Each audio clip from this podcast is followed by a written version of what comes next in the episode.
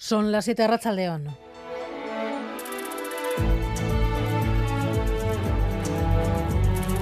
Gambara con Arancha García.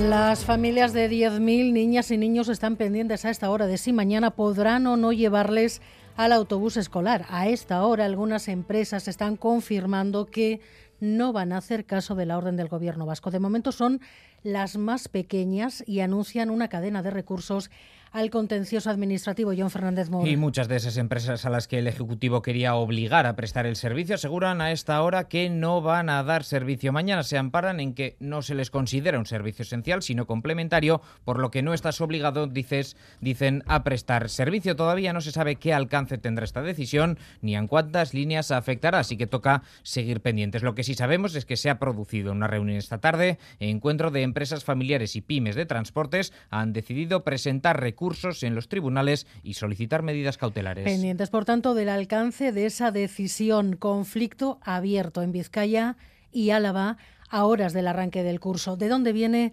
esta crisis con el Departamento de Educación? Hace ya más de un mes quedaban desiertas muchas licitaciones y las asociaciones del sector avisaban de un riesgo real de que no se prestara el servicio. Aseguraban y aseguran que las condiciones que se les ofrecen no son buenas. Se ha avanzado desde entonces en Guipúzcoa, prácticamente todo cubierto, muy poco en Araba y nada en Vizcaya. Por ello, el consejero Bildarratz anunciaba el pasado viernes la orden de ejecución forzosa y la cuestión no quedaba ahí. Bildarratz mostró sus serias sospechas de que algunas pudieran estar actuando de modo ilícito para alterar los precios del servicio. Aseguró que el departamento pondría el caso en manos de la Fiscalía.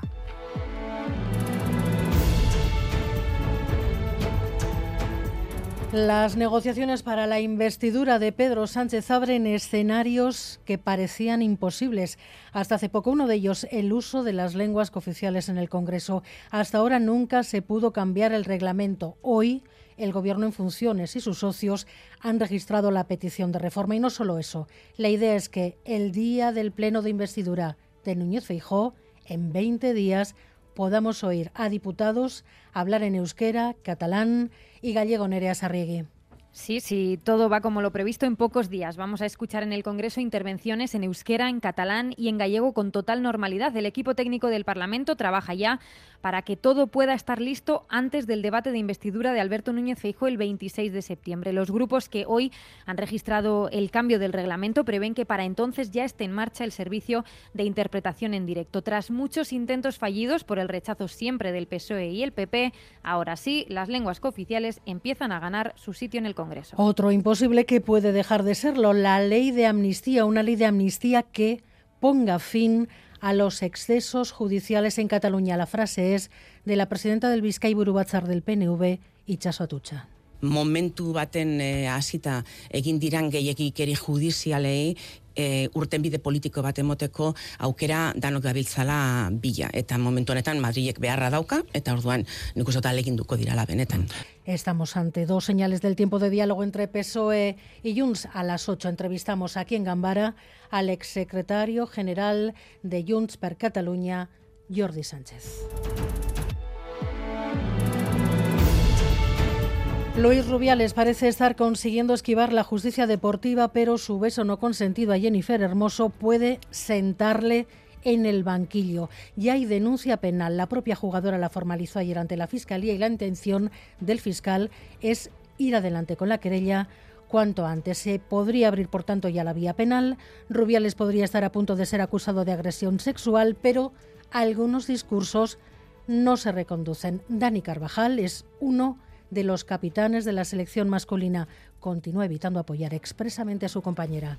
Lo que únicamente defiendo es la presunción de, inocencia en este país, que es un derecho constitucional de todas las personas, y, me rijo a eso. No, no puedes eh, victimizar o culpabilizar a, a nadie sin ninguna sentencia firme y carpetazó a una parte del denominado caso Videgui, un caso que nos retrotrae a 2014, cuando la Diputación de Guipúzcoa, gobernada por Bildu, acusó de malversación al anterior gobierno foral del PNV en las obras de construcción de la AP1.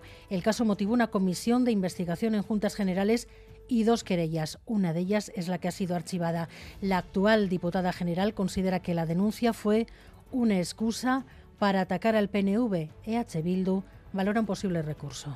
Este auto lleva consigo el descrédito de quienes no tuvieron ningún reparo a la hora de menoscabar a las instituciones guipuzcoanas, utilizando a las instituciones, utilizando a la institución foral, a la Diputación Foral de Guipúzcoa, con la intención de dañar directamente a quien consideraban su adversario político. No tenemos la consideración de que estemos en una oposición frontal al PNV, ni mucho menos. Queremos hacer un debates políticos de altura, Arabia Saudí va camino de convertirse en el socio mayoritario de Telefónica. La operación ha abierto el debate sobre el control de empresas estratégicas y también nos lleva a la pregunta cuánto de amplio es este movimiento del gobierno saudí. Rodrigo Manero. Sí, Arabia Saudí es el principal exportador de petróleo del mundo y al régimen le salen los petrodólares por las orejas, pero los combustibles fósiles tienen los días contados y para cuando eso llegue quiere diversificar su economía. Para ello ha desplegado un ambicioso plan que incluye el desarrollo de su sector turístico y fuertes inversiones en empresas de todo el mundo, en comunicaciones, ciencia, cultura y también en el deporte. Ha comprado clubes de fútbol o la Supercopa de España y se ha llevado a su liga a estrellas como Benzema o Ronaldo por 200 millones de euros la temporada, parecido a su vecino Qatar, una forma de lavar también la imagen de un régimen que no respeta los derechos humanos. Bueno, pues vamos con los deportes. Edu García, Racha León. ¿Qué tal, Racha León? Lo más destacado del día, sin duda, lo acontecido en la undécima etapa de la Vuelta, acabado en la Laguna Negra, en Vinuesa, en Soria, con victoria para Jesús Herrada, el corredor conquense del equipo Cofidis, que ha sido el más fuerte de la escapada buena del día, una escapada de 26 corredores que se ha formado bien entrada la etapa, una jornada que ha sido muy muy rápida, pero que en la pelea por la general no ha deparado absolutamente nada. Los favoritos se han eh, paseado realmente por ese último puerto, no ha habido ningún ataque, lo que ha permitido que se salve el liderato sin agobios eh, por un día más. Mañana llegada a Zaragoza al sprint, así que tampoco se prevén cambios hasta que el viernes aparezca la alta montaña con la llegada al Tourmalet y después ya, el fin de semana, las etapas navarras con eh, finales tanto en Belagua como en Lecumberri.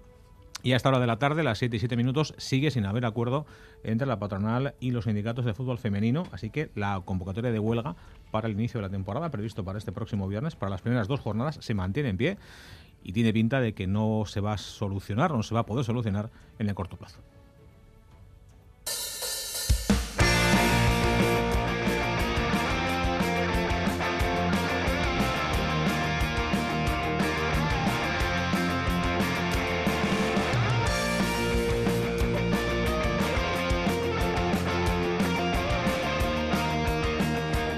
Esto que estamos escuchando se titula Bulsada. Es uno de los temas del grupo de Vergara Brigada Loco y es uno de los himnos preferidos de los aficionados de la Real. Ayer sonó en la BBC y no solo eso, el mismísimo Iggy Pop lo pinchó en su programa de radio.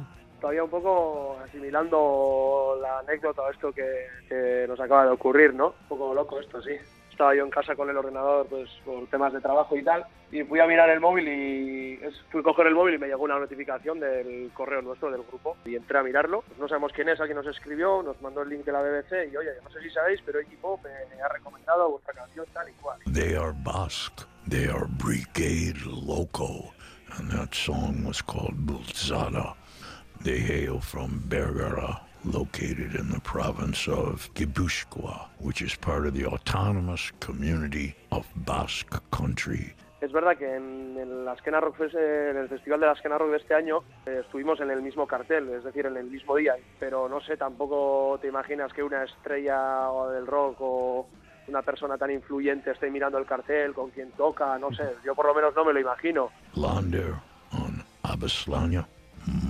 Mikel on Alex on Oler on and the batería is. Sí que le hemos escrito un mensaje así breve y pues agradeciéndole y tal la mención, pero tampoco le hemos hecho nada del otro mundo. Es decir, le hemos dado las gracias y que, que se agradece un montón que se preocupe por un grupo así pequeñitos.